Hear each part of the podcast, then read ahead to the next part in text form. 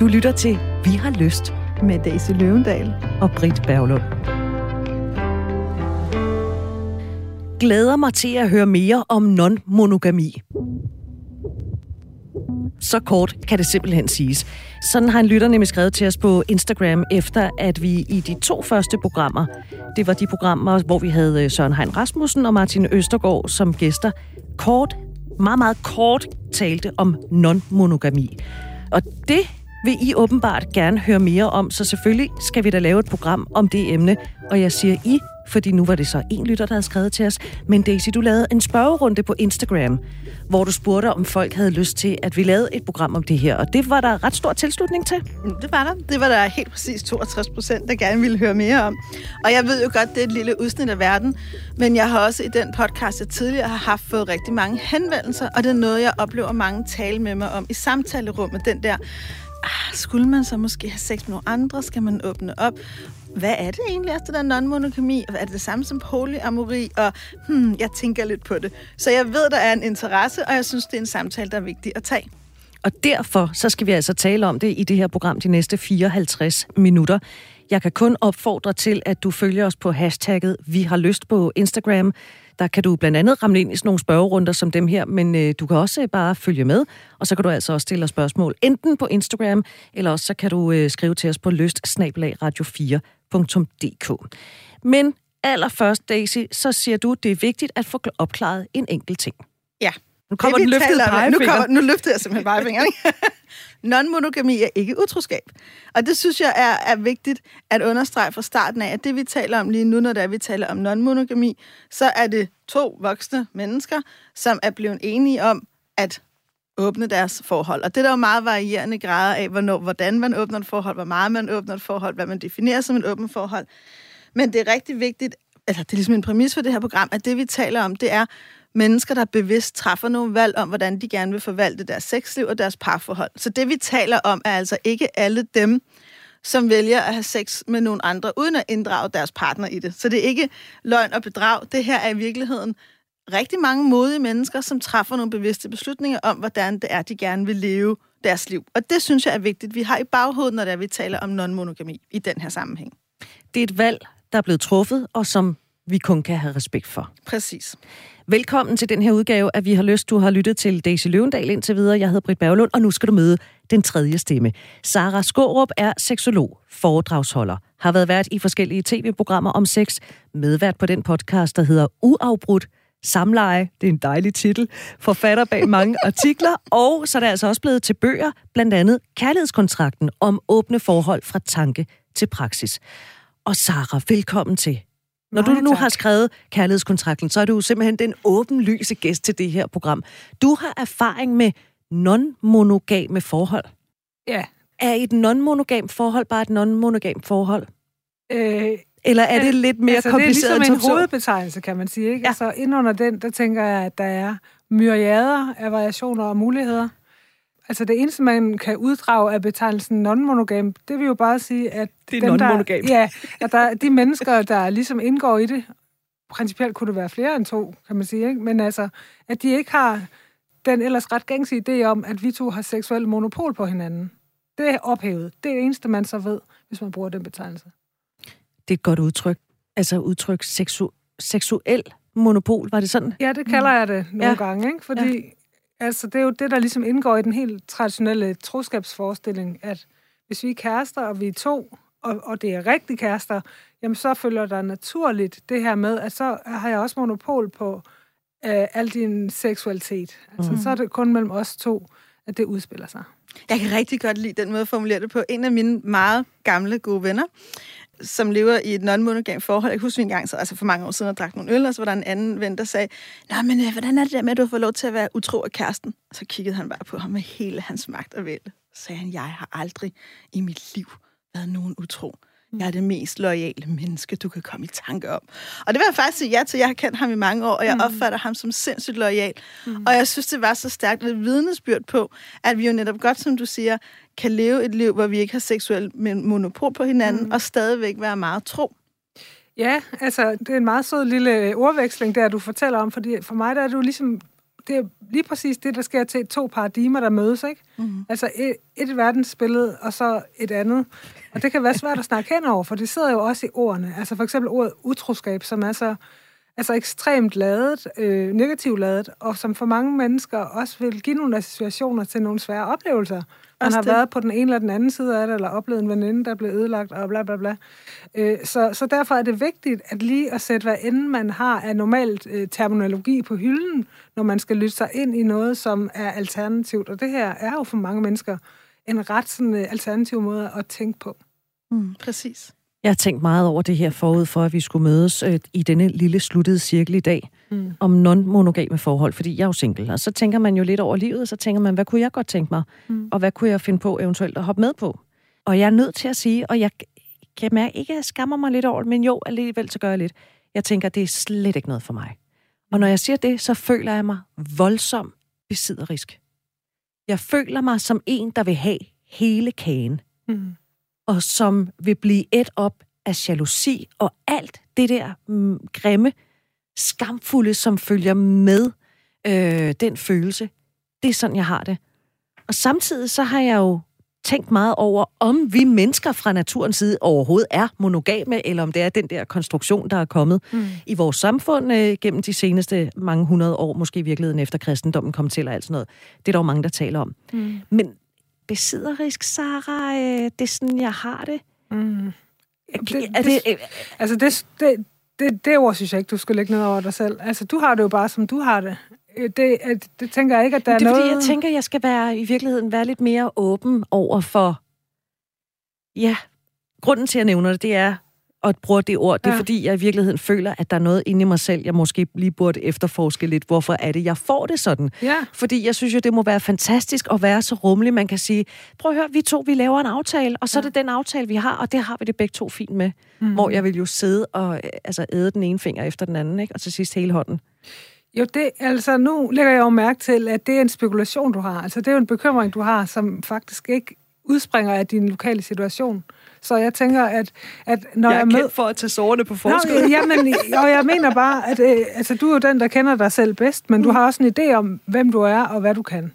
Så man kan sige, at de mennesker, jeg møder, som altså jeg rådgiver folk, som er på vej ind i åbne relationer, eller får besvær i deres øh, åbne relationer. Og for de fleste mennesker, så har det ikke været en overbevisning, de gik ind i deres kærlighedsforhold med. Det er et sted, de ankommer til.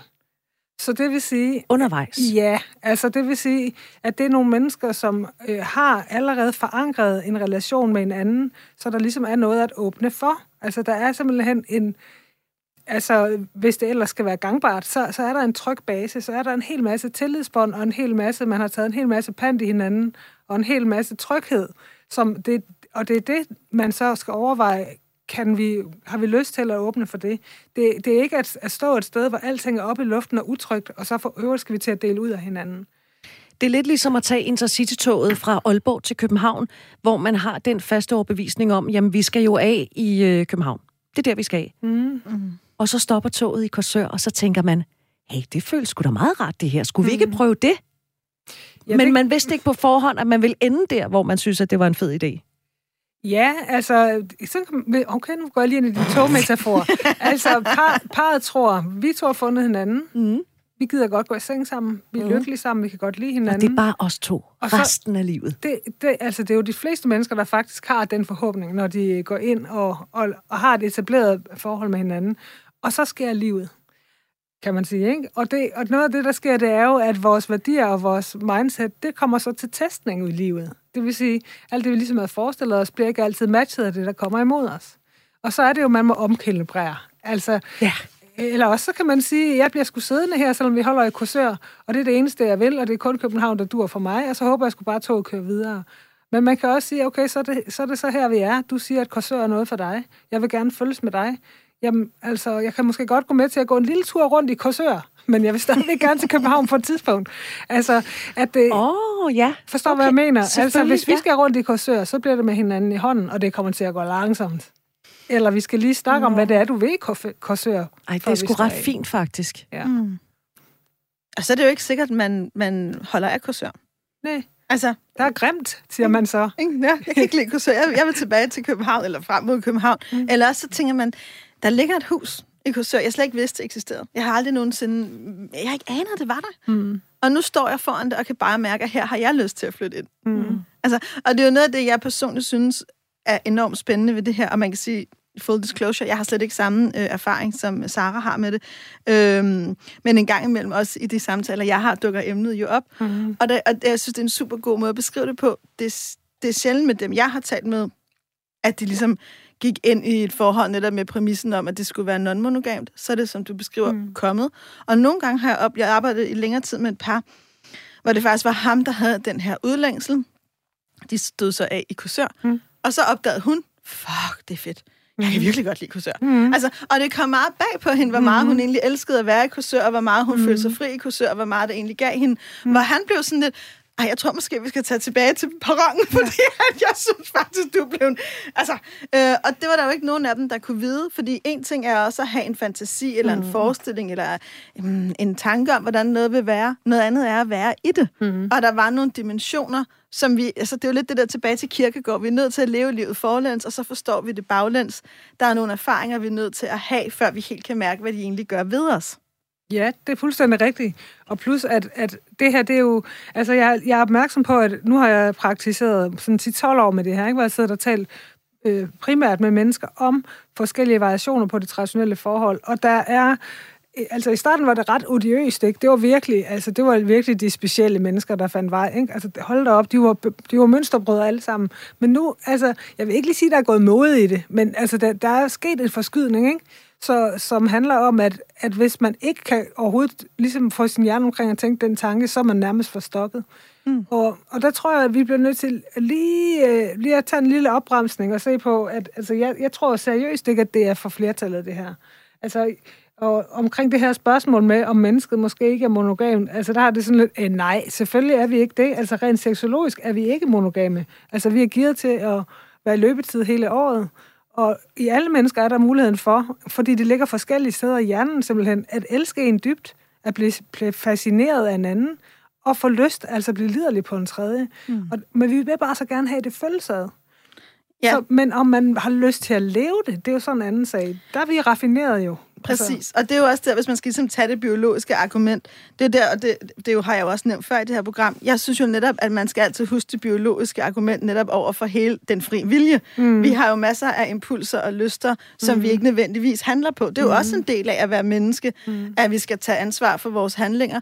Og der er jo masser af mennesker, der netop, som du siger, har kærlighed, mm. og så har lyst til en. Vi kan jo også sagtens have lyst til et menneske, vi ikke elsker. Mm. Der, er jo, der er jo så mange variationer, men vi står stadigvæk i vores eget liv med nogle valg og nogle spørgsmål, når vi oplever ja. de her ting. Ja, jeg tror noget af det, som kan blive sådan, altså det føles meget paradoxalt, hvis man oplever det på egen krop, og har oplevet sig selv som fuldstændig monogamt indstillet, og slet ikke interesseret i andet, end det, man ligesom har engageret sig i. Altså det kan blive, det kan blive lidt et split, når man oplever, at der faktisk også er noget andet, som på en eller anden måde gerne vil have en opmærksomhed fra en. Øhm, og øhm, Ja, nu tabte jeg faktisk lige tråden. Hvad var det lige, du sagde? Undskyld. Tilbage. jeg sagde det man kan jo godt elske en, ja. og ikke nødvendigvis have lysten. Man kan også ja. have lyst til en, man ikke elsker. Så det, jeg egentlig siger, det er, kærlighed og lyst er ikke nødvendigvis sammenkoblet, selvom det er det, der har været den traditionelle forståelse. Nej, det er det ikke. Og man kan også godt opleve sig selv, nu husker det, hurra, altså, altså øh, at det kan være lidt et chok at opleve, at når man får, hvis man får en tiltrækning mod en tredje person, eller en stærk lyst til en tredje person, at så begynder man at undersøge sin gamle kærlighed for, hvad der egentlig så galt med den. Mm.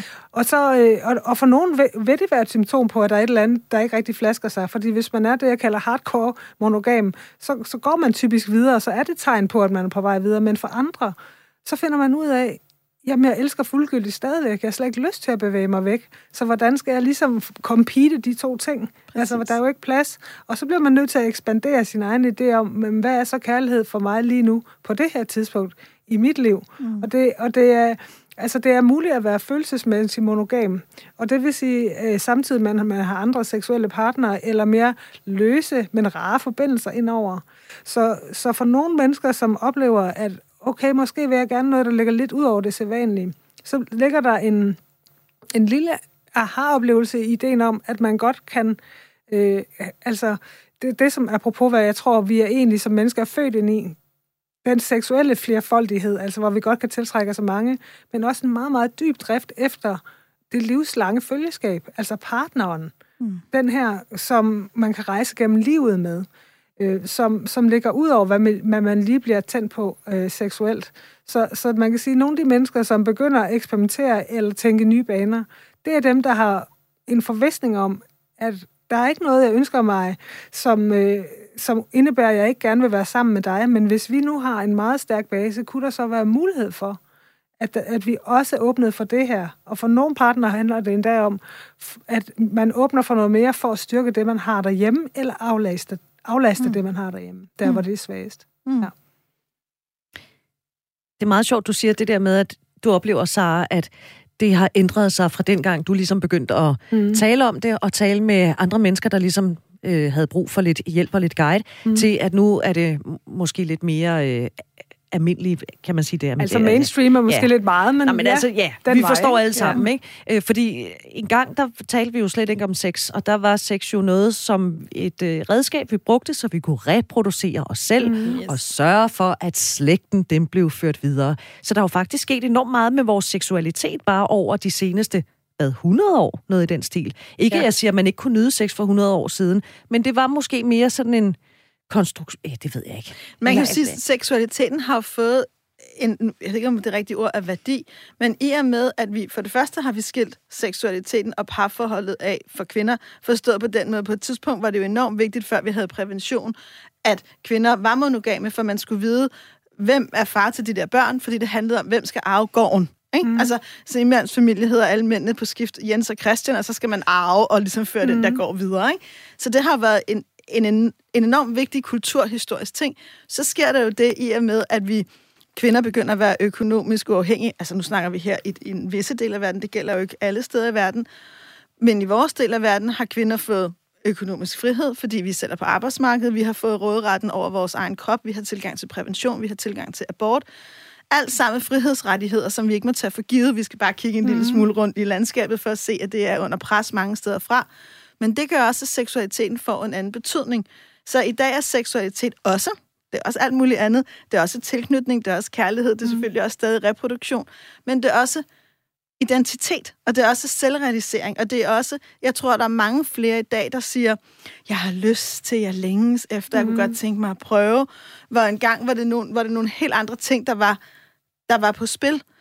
Det er jo i virkeligheden, synes jeg, et kæmpe privilegie. Gælder det både mænd og kvinder, at, øh, altså, at både mænd og kvinder og alle de andre køn, som vi nu har begyndt at, at blive bekendte med, øh, er, hvad kan man sige, er mere selvrealiserende ud i sex? Helt sikkert. Jeg mener, det er et vilkår, vi alle sammen er en del af, for det er en del af friheden, at vi har fået lov til at i tale sætte flere ting, og vi har fået lov til at give os selv lov til. Det er ikke, vi er jo ikke færdige, vi er jo ikke ved endestation, vi er i toget.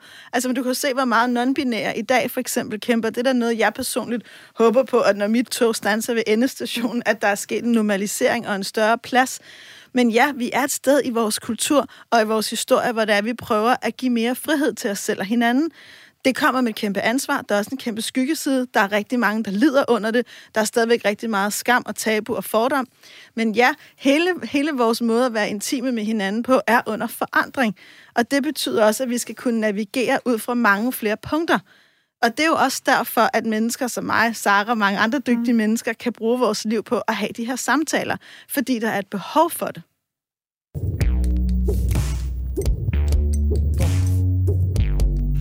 Du lytter til Vi har lyst, Daisy Løvendal. Jeg hedder Britt Berglund, og så har vi jo altså besøg af Sara Skorup, der er seksolog, foredragsholder, har været vært på et hav af tv-programmer efterhånden om sex medvært på podcasten Uafbrudt Samleje, forfatter blandt mange artikler, og altså også har skrevet bøger blandt andet Kærlighedskontrakten om åbne forhold fra tanke til praksis. Og når nu at du har skrevet den bog, Sara, så tænker jeg, at du har et rimelig godt indblik i hele det her univers og sådan noget.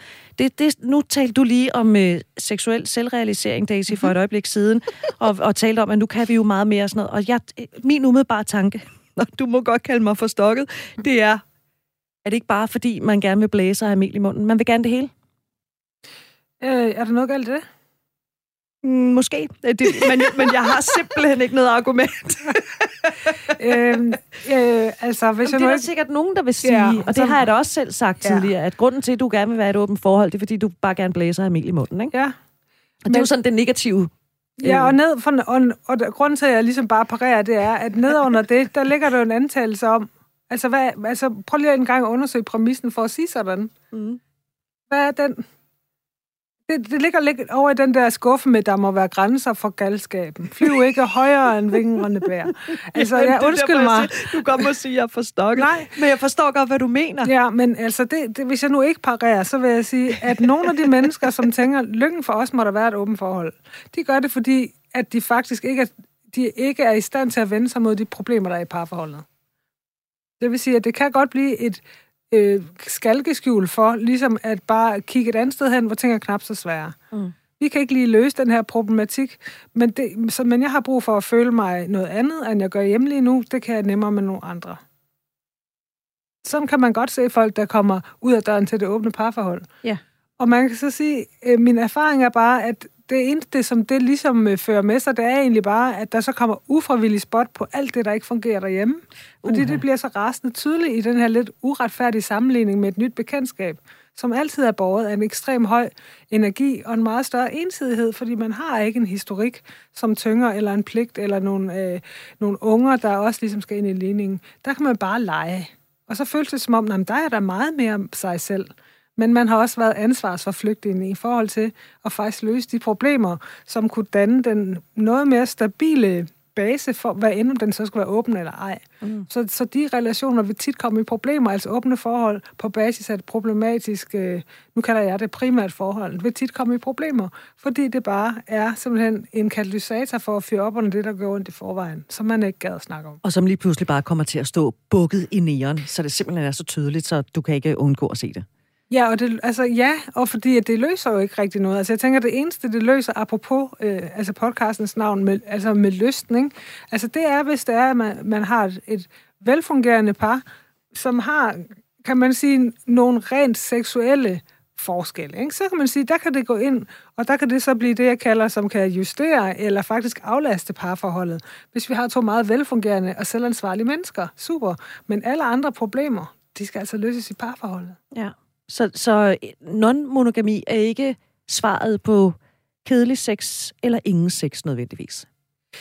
Oh, lad mig lige se for jer. Altså, der, men jeg kan ikke rigtig svare kategorisk. Altså, man kan sige, øh, jeg har da mødt par, som siger, vi har, far, vi har kedelig sex. Hvad kan vi gøre ved det? Og, og hvis de kommer så selv og foreslår, vi har tænkt på, at vi kunne, prøve, vi kunne egentlig godt begge to prøve, og jeg øh, tænker så prøve at have en tredje part med i sengen. Hvad synes du om det? Så siger jeg, det synes jeg da, I skal prøve. Lad os lige snakke om, øh, hvordan I måske lige kan forberede jer til det. Fordi på den måde er det jo en genåbning af et seksuelt univers, man gør sammen. Det kunne også være, at folk siger, øh, vi går lidt i stampe, øh, vi ved ikke helt, hvor går grænsen for, hvad man kan tillade sig. Kunne, kunne det være noget med noget tantramassage? Hvilket for mange mennesker også er langt ud over monogamiets grænser. grænser ikke? Så, så, så der, er, der er meget at lære ved at begynde at have sex med andre mennesker, eller at udveksle seksuel energi, eller sanselig kærtegn, eller hvad man skal kalde det. Så, så, så det, er ikke, det er ikke kun dårligt, men jeg tænker mere på det, der er, kan være potentielt risikofyldt, det er der, hvor de to parter i parforholdet begynder at have seksuelle relationer hver for sig. Ikke? Altså hvor man ligesom udliciterer noget af det, der normalt boede i parforholdet, til kun at foregå ude i byen.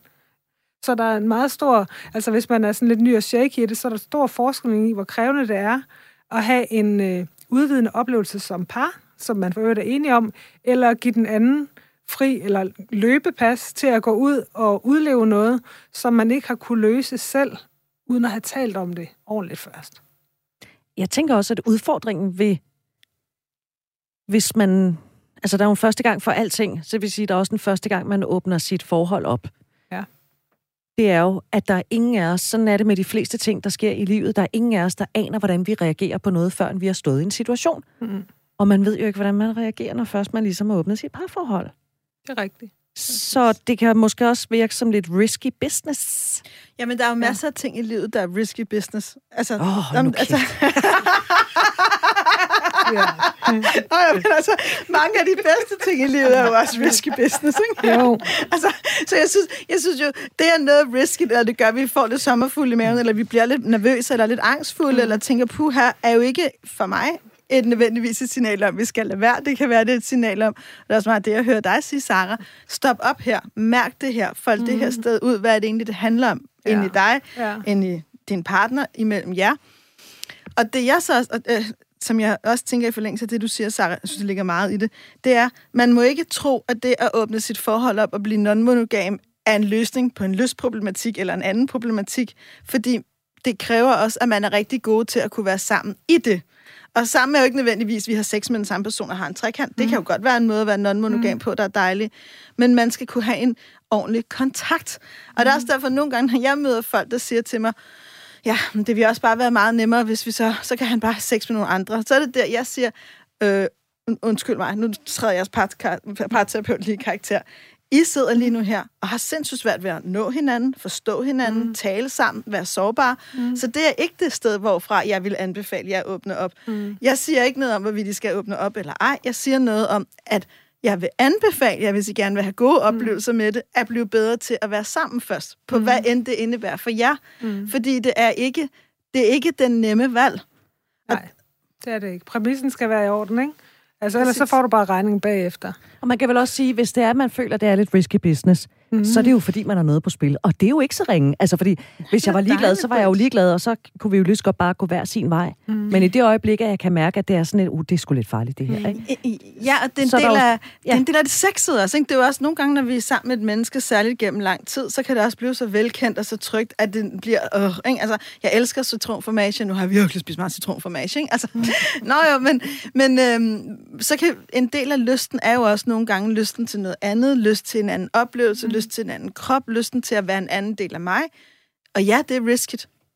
Men det er også det, der nogle gange er noget at hente, hvis vi formår at gøre det på en, på en god måde. Og jeg tror, der var jeg i det her program, og det er noget, jeg har glædet mig rigtig meget mm-hmm. til i dag, har tænkt, vi er nødt til at tale ordentligt om det. Det er, når det kommer lidt ind ad bagdøren som en løsning. Nå okay, så kan det også være lige meget. Vi bliver bare non-monogame alle sammen, og så mm. finder vi bare en anden. Øh, nej, nej, stop lige, venner. Mm. altså, alt det, vi skal være gode til i parforholdet for at være sammen, skal vi også være gode til for at være non-monogame. Det løser ligesom ikke, at vi skal være autentiske og sårbare og sige, hvad vi føler og mm. kunne tale sammen overhovedet. Mm. Så du har skrevet en bog, mm. Kærlighedskontrakten, om åbne forhold. Fra tanke til praksis. Ja. Hvordan ved man, om man er klar til et åbent forhold? Ja, øh, altså, det, altså, der kan man jo gå nogle runder med sig selv øh, omkring, hvad er mine hidtidige erfaringer omkring øh, øh, kærlighed, øh, omkring øh, mine egne lyster. Har jeg for eksempel nogensinde, har jeg selv prøvet at være forelsket i to samtidig, for eksempel. Øh, hvordan har jeg det med jalousi? Altså, man, hvordan ved man, om man er klar? Altså, det, det ved man faktisk ikke. Det vil altid være trial and error, som vi også har været lidt omkring, ikke? Og, og det er derfor, at jeg anbefaler folk, som ikke er kommet hovedkulsen i og ligesom bare snublet ind i et åbent forhold, fordi det kan vi lige så godt kalde det, fordi nu har den ene ligesom været i gang, det skal jeg også. Altså, at det er sådan baby steps, hvor man, man, man gør sig en eller anden vending, og så går man altså hjem på basen, og så skal den fordøjes. Ikke bare den ene, men dem begge to, før at man ligesom tager nye skridt. Altså den gode gamle, øh, hjem i komfortzonen, og så ud i udforskningszonen. Ikke? Så altså, jeg tror ikke nødvendigvis, man ved det. Det finder man ud af, øh, når man står der. Men hvis det er altså, en, altså, altså noget af det, som man i hvert fald finder ud af, øh, når man er gået i gang, det er, hvor meget har man haft med sig, som ikke rigtig er blevet bearbejdet, før man er gået i gang med det åbne parforhold. Altså det vil sige, at folk, som har problematiske baggrunde, simpelthen vil have typisk sværere ved at gebære sig. Altså hvis de har en lav grad af af tillid eller har mange svigt i bagagen, altså så vil det naturligvis øh, være nemmere for de mennesker at blive meget utrygge, når det, de plejer at kunne læne sig tilbage i, begynder at skifte karakter. Det forsvinder jo ikke nødvendigvis, men det skifter måske position. Så de mennesker vil tit være øh, ganske udfordret. Så det er også noget at gøre med, hvor, hvor meget har jeg øh, bag mig, som jeg ikke rigtig har fået lagt på hylde eller fået mærket igennem. Altså, føler jeg, altså det handler faktisk om, hvor stærkt det selv er, man har meget af det. Og så skal man vel også være vanvittigt god til at kommunikere, når så man er hjemme på basen. Ja, eller ellers så skal man være klar til at blive det, ikke? Altså, det er en uddannelse i sig selv, man går ind i. Præcis. Ja. Ja, så tænker jeg også, at der er grader af åbenheden. Jeg, jeg skrev lige nogle noter, mm. inden jeg kom hertil, fordi jeg kiggede lidt i de der noter for mine samtaler. Det, det kan jo være at kysse med andre, når man er i byen. Mm. Det, er jo, det er jo også det er en åbenhed. Det kan være at sende frække beskeder til nogen. Det kan være at have en billeddeling med nogen, som enten er fremmed eller nogen, man kender. Det kan være at tage svingerklub sammen. Det kan være at have en trekant på et hotel i Paris. Mm. det kan være at have nogle venner, man engang imellem har sex med sammen, bytter i en mm. eller anden variation. Det kan være at se en ved siden af ens forhold. Det kan være at have en kæreste gennem flere år ved siden af sin partner. Altså, så jeg bare nævner de her små konkrete eksempler, mm-hmm. så det er også fordi, jeg har lyst til at sige, der er mange, mange grader af det her, og der er mange variationer og mange måder at udleve det på. Så, så, så når du spørger, hvordan ved man, om man er klar, så vil jeg sige, og det siger nok også noget om mig, som den måde, jeg arbejder med mennesker på, og selv er i verden, måske start med et lille skridt. Altså det der med nogle gange at tage små skridt, mm. og så mm. finde ud af, hvordan er det, hvordan føles det, og som du også siger, Sara, mm. hjem i komfortzonen, mm. hjem og vær med det, lad det lige rumstere lidt. Altså stille og roligt, det er ikke sådan fra, okay, nu har vi været et fast parforhold, hvor vi har været helt monogame i 20 år, godt, jamen nu regner jeg med, at øh, du får en kæreste i næste måned, og så, øh, nej, altså, plus, det skal man jo også altid huske, når man involverer andre mennesker, kommer de jo også med en historie, med behov, med grænser, mm. med lyster, med helt deres følelsesmæssige bagage. Og alt, hvad de er, både der kan bidrage og udfordre, og det skal man jo også være villig til at tage ind, hvad mindre man vælger. Og det er jo også en løsning, det er lidt mere anonyme møde. Mm. Og det er jo også nogle af de overvejelser, man også skal have i en relation. Hvem er dem, vi inviterer ind? Hvem er de, og på hvilke præmisser? Mm. Og det er jo meget mere end bare det seksuelle. Og, de, og dem kunne jeg faktisk godt tænke mig at vende tilbage til lidt senere. Jeg skriver lige en note her, om at dem skal vi lige vende tilbage til. Men så jeg troede, og nu siger jeg troede, øh, fordi jeg tror faktisk, jeg blev klogere for cirka 20 minutter siden. Jeg troede, at når først man havde åbnet sit øh, parforhold, så var der ingen vej tilbage. Mm. Men det var ikke lidt rigtigt det, jeg hørte dig sige, da jeg kom til at lancere togturen fra Aalborg til København. Fordi der forstod jeg lidt på dig, ja. at det betyder ikke, at så er der ingen vej tilbage. Øh, nej, det gør det ikke. Fordi øh, altså, så har man på en måde jo bare skiftet en meget rigid form ud med en lige så rigid form. Ikke? Altså enten er vi det, eller også er vi det. Altså for, for mig så tænker jeg, at den, altså en, en, en mere realistisk tilgang til det, det er, at, at sådan en kærlighed eller sådan et forhold, der, det er jo altid i forandring. Så, det, så for mig vil det optimale være at prøve at slå ind på en form, som er fleksibel. Så det vil sige, at det kan da godt være, at vi lige nu tester et eller andet af nu med lidt bankende hjerte, men det vil altid være med mulighed for at skrue op og ned. Øhm, Meget dynamisk. Ja, det er det. Altså, og det er også, altså, da jeg sådan sad og arbejdede med det der for mange år siden, og skulle skrive om det, så gik det jo op for mig, at øh, når jeg talte med folk om åbne forhold, så var der mange, der, der faktisk fik sådan nogle 70'er-billeder på nethinden, som havde det sådan, øh, ej okay, det der grænseløse, totalt impulsstyret noget. Og nej, det var ikke helt lige det, jeg var altså ude i, vel?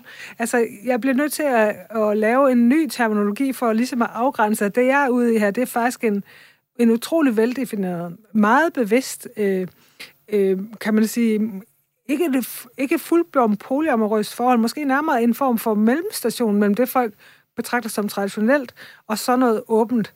Altså, der er også øh, altså, der er en fyr, der hedder Dan Savage i USA, der taler, han siger, bruger begrebet monogamish, eller monogamish, altså lidt ved siden af monogam. Nogle gange monogam, andre gange ikke monogam.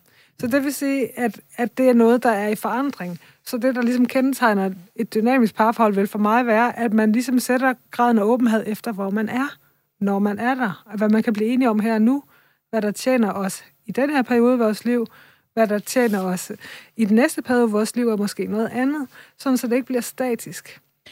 Så nogle af de refleksionsspørgsmål, man for eksempel kan stille sig selv, og dig, der lytter med, kan mm. stille dig selv, det er for eksempel sådan at spørge dig selv og hinanden, hvad giver det os at være monogame nu? Eller hvad giver det os at være non-monogame nu? Man kan filosofere lidt over, hvordan vores ideelle sexliv ser ud, hvordan det se ud for dig, hvordan det ud for mig, hvordan kunne det se ud for os. Og man kan spørge hinanden om, hvad vil du gerne opleve seksuelt og intimt, og så selvfølgelig dele. Og det er jo bare nogle få ud af mange spørgsmål. Essensen og opfordringen er, at du derhjemme, der lytter med, i virkeligheden tager de her refleksioner sammen med den, du elsker med, jævnligt. En gang imellem lige tjekker ind. Der er også stor forskel på, hvor man er, når man møder hinanden, hvor man er 5 år senere, 10 år senere, 15 år senere osv. Og jeg tror personligt, en af de største hvad kan man kalde det, turn-offs, en af de største forhindringer for et livslangt godt erotisk liv, det er forestillingen om, at det kun kan følge én opskrift. Mm. Det er simpelthen den første ting, vi er nødt til at give afkald på, det er ideen om, at det kun kan være på én måde. Mm. Sådan er det jo også med madopskrifter, ikke? Altså, man kan jo, når først man er blevet god til at lave uh, spaghetti bolognese, jamen, så, kan, når, så kan man jo også godt lige pludselig putte noget ekstra i, fordi mm. man synes, det kunne sgu egentlig være meget frækt med noget mm. cocktailpølse og mm. noget oregano i. Mm. Ja. Altså, Nå, men, ja. Uh, you daredevil. Ja. Jeg kan godt selv høre det. Ja. Tofu bolognese. Ja. Jeg hejser lige et lille flag, fordi ja. jeg har rent faktisk, da jeg lavede øh, programmerne Du er ikke alene, også til Radio 4, der lavede vi to udsendelser om øh, åbne forhold. Der var der en psykolog, der skrev til mig, en kvindelig psykolog, og hun skrev, nu skal jeg læse lige lidt op for mailen, hun skrev, min erfaring er, at de kvinder, jeg møder både i arbejdsmæssig og privat sammenhæng, aldrig nogensinde helhjertet trives med polygami, kun hvis de egentlig ikke bryder sig om, og egentlig ikke har lyst til den partner, de af en eller anden grund havner i et seksuelt forhold til. Så skriver hun videre, nogle kvinder føler sig udnyttet, når mænd påberåber sig at leve i åbne forhold. De går med til det i et håb om, at manden alligevel vælger hende som den eneste ene på sigt. Og så skriver hun, øh, det er det sidste, jeg lige vil tage med fra mailen, i min verden er der rigtig mange kvinder og mænd, der lider under partnerens insisteren på åbne forhold, når sex tillægges stor prioritet. Øh, der skabes enormt meget lidelse, fordi sex ikke bare er fysisk berøring. Så, nogle kvinder føler sig udnyttet, når mænd påberåber sig at leve i åbne forhold. Så er det noget, du kan ikke genkende til? Nogle kvinder føler sig udnyttet. Nå, men altså, der er der noget galt, hvis man føler sig udnyttet allerede det, den anden nævner det, tænker jeg. Altså, hvis der, hvis der er, at man er, hvis vi taler om en relation, hvor manden siger, øh, det er den her måde, vi kommer til at leve fra nu af, eller, øh, eller også kan vi ikke være sammen, og hun bliver, altså så er jeg ked af at sige det, men så synes jeg, det er et dysfunktionelt forhold, ikke? fordi så er hun der jo faktisk imod sine egne værdier, så, så, så det, det er da fuldstændig rigtigt. Der er nogle åbne forhold, hvor jeg får snakket mig ind for folk, så tænker jeg, gud, det er jo totalt uligevægtigt det her. Det er jo ikke en konsensusbeslutning. Du bliver, fordi at, øh, ellers så går det hele i opløsning. Så dem møder jeg også, men jeg, jeg, og jeg møder faktisk også den anden vej rundt, altså hvor det er kvinden, der siger, okay, Marker, nu er vi nået til det her hjørne, og det holder jeg ikke til. Så nu bliver det på den her måde.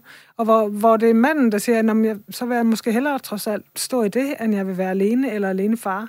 Altså, og, det er jo, og som udgangspunkt, man sige, det er jo aldrig en optimal, altså, altså der, er noget, der er noget galt i magtfordelingen der, ikke?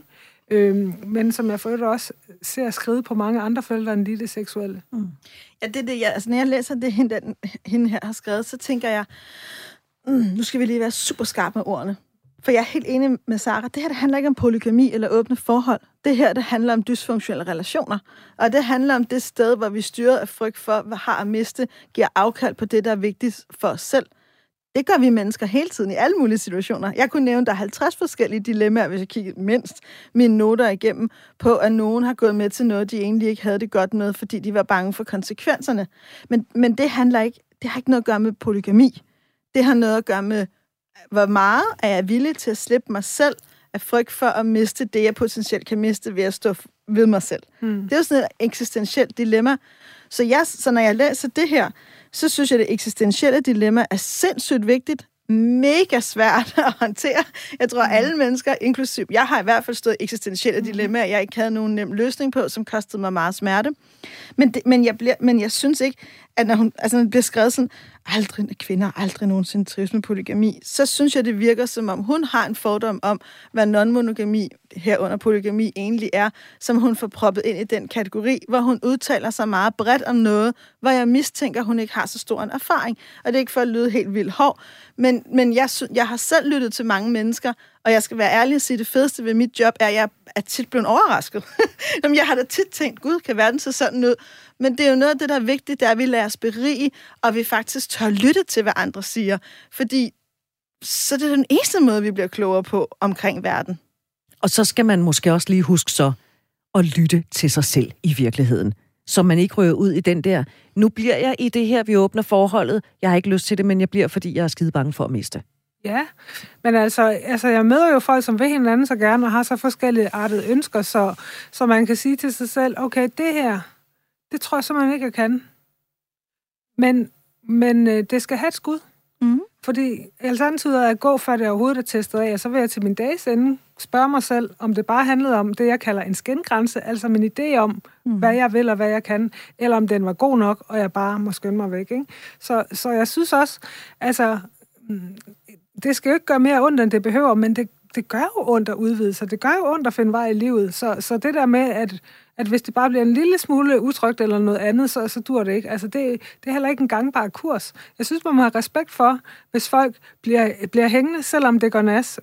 med, hvis de er meget bevidste om, at det kunne, der være der, det kunne faktisk være, der var en vej, jeg ikke havde set. Og, og jeg har faktisk oplevet, at folk synes, det her det var mindre krævende end det, de havde forestillet sig. Eller ligesom du sagde, Daisy, til en start, at øh, manden ville gerne, konen var modstræbende, så går det i gang, og bummel om, hun fyrer den af, og han sidder lidt derhjemme, ikke? Altså, altså hey, hey, altså, sådan kan den også Upsen. gå, ikke? Ja. Sådan kan den også gå, ja.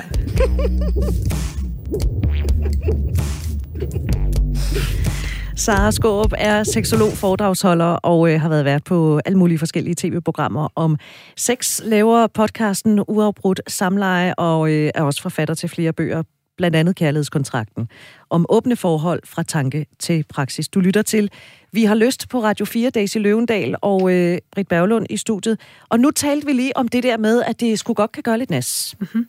Øh, alt, når man kommer ud af sin comfort zone, det kan jo godt gøre lidt nas. Man kan få mm-hmm. lidt blå mærker. Men der er simpelthen noget, vi er nødt til at vende. Og det er jo et ord, som jeg nævnte for 40 minutter siden. Jalousi. Mm-hmm.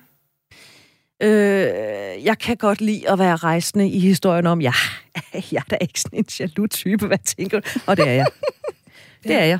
Ja. Øh, det er jeg så formentlig nok. Ja. Hvordan håndterer man den? Altså, øh, den kan jo godt opstå, uden man måske er forberedt på, at den opstår, hvis det er, man vælger at åbne sit forhold. Også selvom der i gåsøjne bare bliver kysset mm. ved nogle fester eller julefrokost eller et eller andet.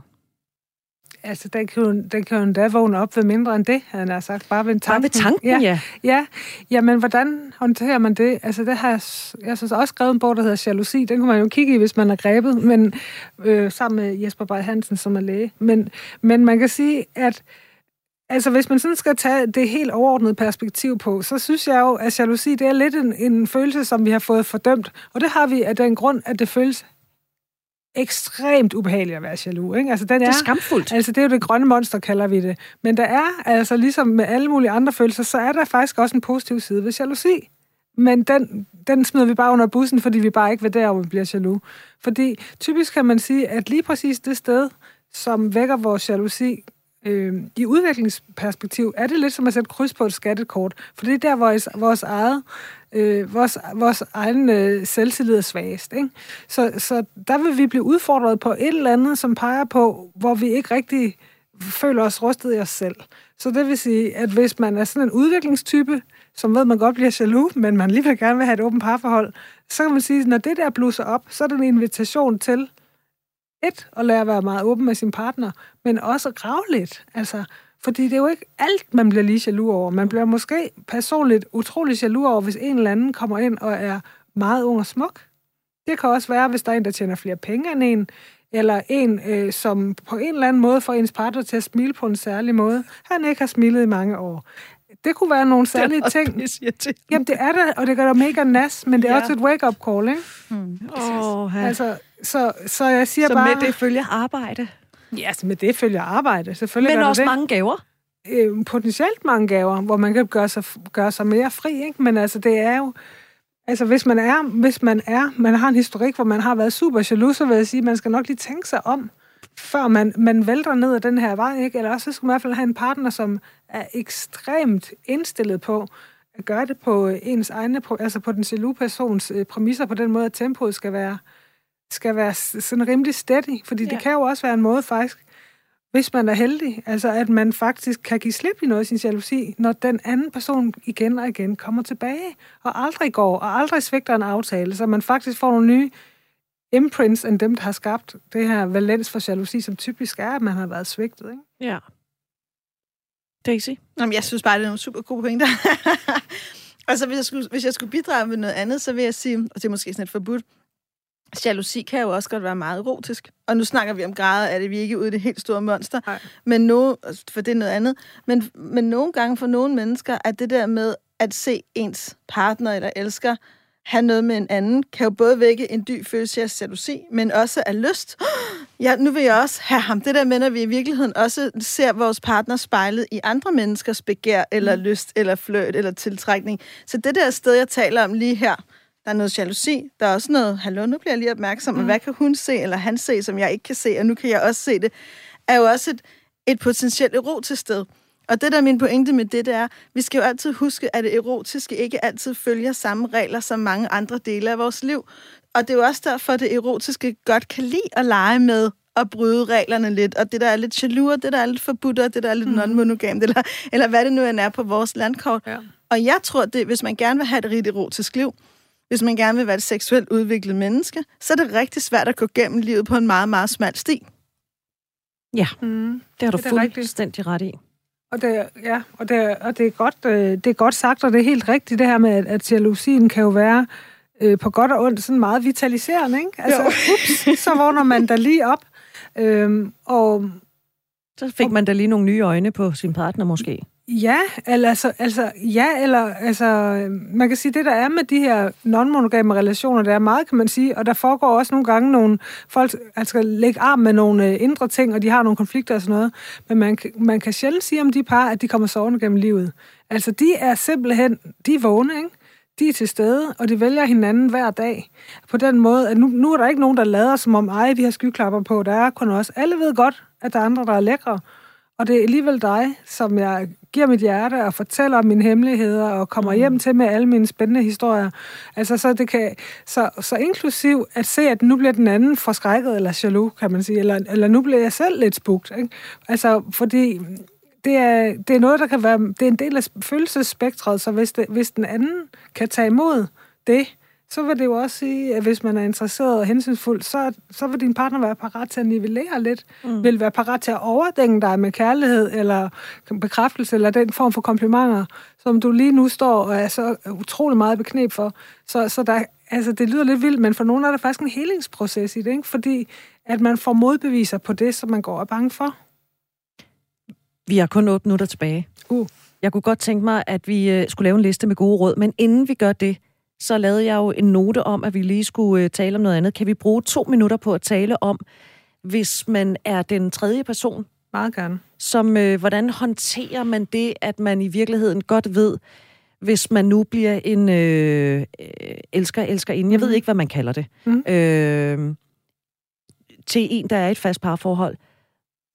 Hvordan er rollen så, ja. som den tredje person?